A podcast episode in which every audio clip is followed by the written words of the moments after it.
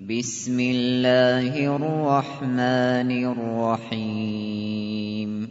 أَرَأَيْتَ الَّذِي يُكَذِّبُ بِالدِّينِ؟ فَذَٰلِكَ الَّذِي يَدُعُّ الْيَتِيمَ وَلَا يَحُضُّ عَلَىٰ طَعَامِ الْمِسْكِينِ.